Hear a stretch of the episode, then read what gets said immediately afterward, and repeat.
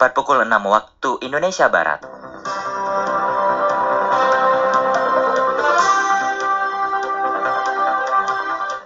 Selamat pagi saudara pendengar, inilah Warta Berita Daerah hari ini Senin 6 Juli 2020 bersama saya Harlan Kasma.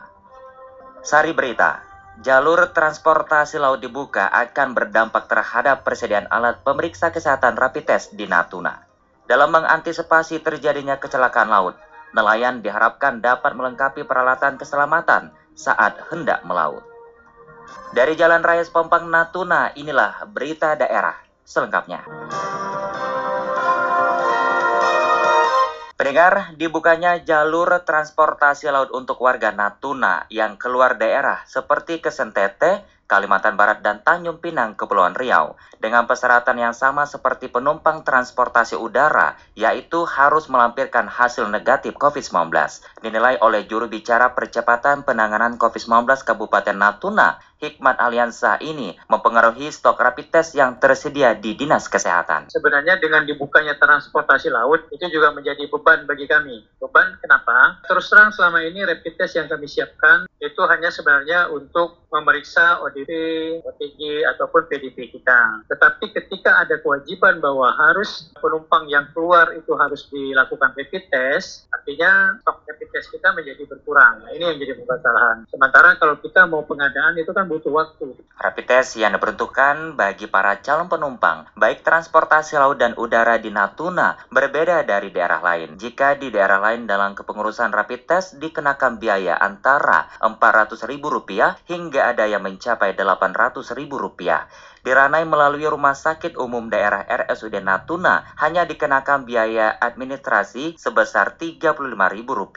Informasi yang diperoleh RRI, rapid test yang dimiliki oleh Dinas Kesehatan Kabupaten Natuna per minggu 5 Juli 2020 hanya sebanyak 100 sampel. Dinas Kesehatan telah memesan kembali untuk stok rapid test yang saat ini masih dalam proses pengiriman. Pendengar rencana beroperasi KM Bahtera Nusantara 1 dinilai akan memberikan kemudahan dan dampak peningkatan ekonomi bagi masyarakat dan Kabupaten Natuna ke depan. Berikut laporan Analia. Rencana beroperasinya KM Bahtera Nusantara 1 pada bulan ini dinilai oleh Ketua Komisi 2 DPRD Natuna yang membidangi ekonomi pembangunan Marjuki secara tidak langsung akan dapat memberikan kemudahan alternatif pilihan kepada warga dalam melakukan aktivitas yang mendukung perekonomian. Terlebih, KM Bahtera Nusantara 1 bukan hanya sekedar kapal pengangkut penumpang tetapi juga kapal roro yang bisa membawa kendaraan bermotor maupun mobil dengan fasilitas yang memadai. Kita berharap kalau memang kapal Roro itu beroperasi juga seharusnya sampai ke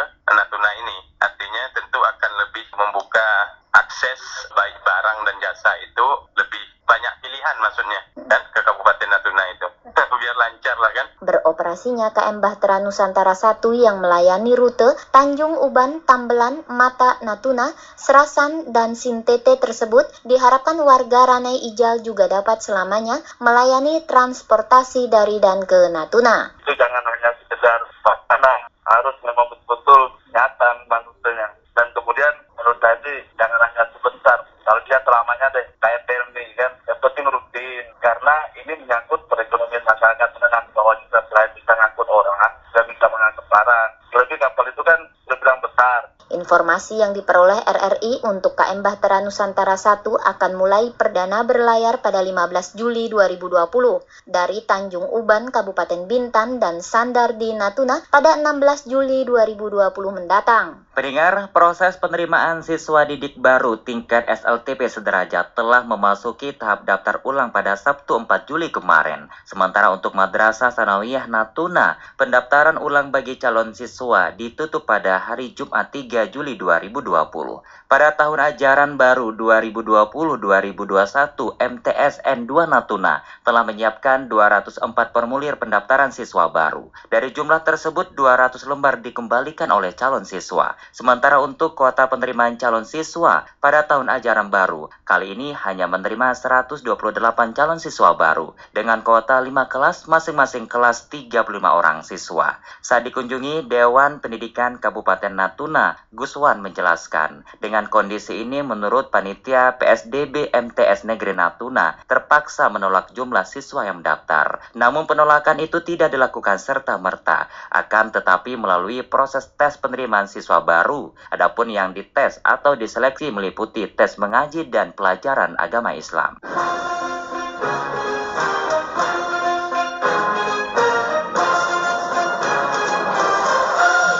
Pendengar, DPRD Natuna meminta pemerintah, terutama dinas terkait dapat menyelesaikan persoalan yang terjadi di kawasan wisata Karang Aji, Kecamatan Serasan. Selain persoalan penjualan lahan kepada investor dari luar, izin dalam peningkatan pembangunan kawasan wisata tersebut juga harus diperhatikan oleh pemerintah. Tidak hanya itu, kabar ada pungutan biaya masuk yang diberlakukan oleh pihak pengelola kepada masyarakat yang berkunjung ke kawasan tersebut, yang juga harus diperhatikan oleh pemerintah pemerintah. Ketua Komisi 2 DPRD Natuna Marzuki kepada RRI mengatakan pengelola wisata Karang Aji tidak memungut biaya masuk pengunjung yang datang ke kawasan tersebut. Alasan itu hanyalah bukti eh, ganti kerugian mereka sudah mengelola artinya ada tanaman di dalamnya seperti itu. Nah jadi kita minta sebelum ada izin baik izin pengembangan, izin pengalihan, ya, jadi kan dari perkebunan itu mungkin jadi sektor pariwisata.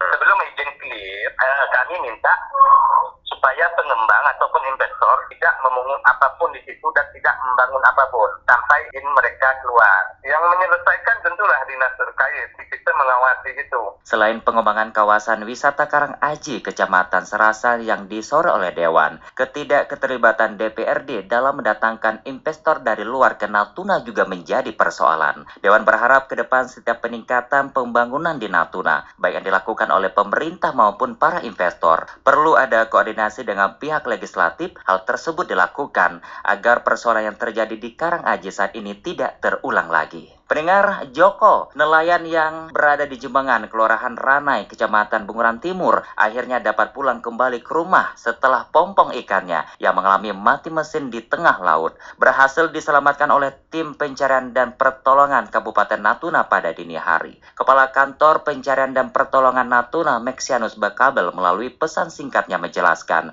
pihak KKP mendapatkan informasi dari keluarga korban bahwa mati mesin pompong dan terombang-ambing di laut. Setelah tim SAR tiba, dilakukan pengecekan dan diketahui dikarenakan kipas pompongnya tersangkut oleh tali dari kapal itu sendiri. Setelah dibantu tim SAR Natuna, akhirnya pompong tersebut dapat hidup dan kembali ke pelabuhan Jemengan dengan dikawal oleh tim SAR Natuna menggunakan perahu karet. Peringar dalam upaya menjaga keselamatan para nelayan serta mengantisipasi terjadinya kecelakaan laut di wilayah perairan Natuna. Kepala Kantor Pencarian dan Pertolongan KKP SAR Natuna, Mexianus Bekabel meminta kepada masyarakat nelayan untuk dapat melengkapi serta menggunakan alat keselamatan pelayaran saat hendak melaut. Dijelaskan Mexianus selain melalui sistem aplikasi dan alat komunikasi HT di setiap kapal nelayan, pihaknya juga berharap para nelayan bisa memiliki alat PLB. Yang sudah disampaikan bahwa untuk cuaca di laut itu selalu berubah. Terus terkait dengan apa yang harus dipersiapkan oleh nelayan. Jadi yang pertama itu paling kurang mereka untuk sekarang secara sistem komunikasi sudah mempunyai HP untuk mendownload aplikasi yang ada dari dinas yang terkait yang punya kewenangan terkait dengan data cuaca. Itu yang pertama. Yang kedua, alat komunikasi. Selain alat komunikasi, paling tidak itu alat keselamatan. Berdasarkan hukum aturan kelautan International Maritime Organization, setiap kapal wajib memiliki emergency position region dan alat keselamatan pelayaran. Dijelaskan Kepala Kantor Pencarian dan Pertolongan KKP Sarnatuna Mexianus Bakabel, alat tersebut berfungsi untuk mengetahui titik koordinat serta posisi apabila terjadi kecelakaan di laut.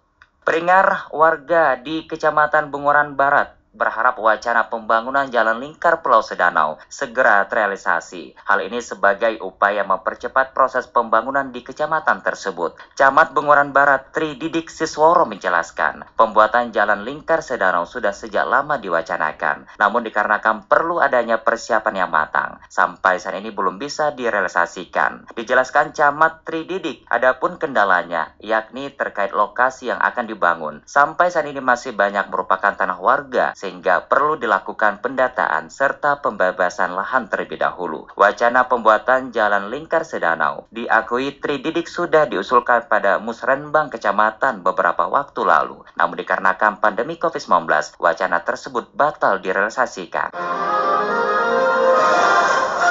Pendengar, demikian seluruh rangkaian berita pagi ini. Sebelum berpisah, kami sampaikan kembali berita utama. Jalur transportasi laut dibuka akan berdampak terhadap persediaan alat pemeriksa kesehatan rapid test di Natuna. Dalam mengantisipasi terjadinya kecelakaan di laut, nelayan diharapkan dapat melengkapi pompong mereka dengan peralatan keselamatan pelayaran saat hendak melaut. Saya Harlan Kasma, mewakili tim redaksi yang bertugas mengucapkan terima kasih, selamat pagi dan sampai jumpa.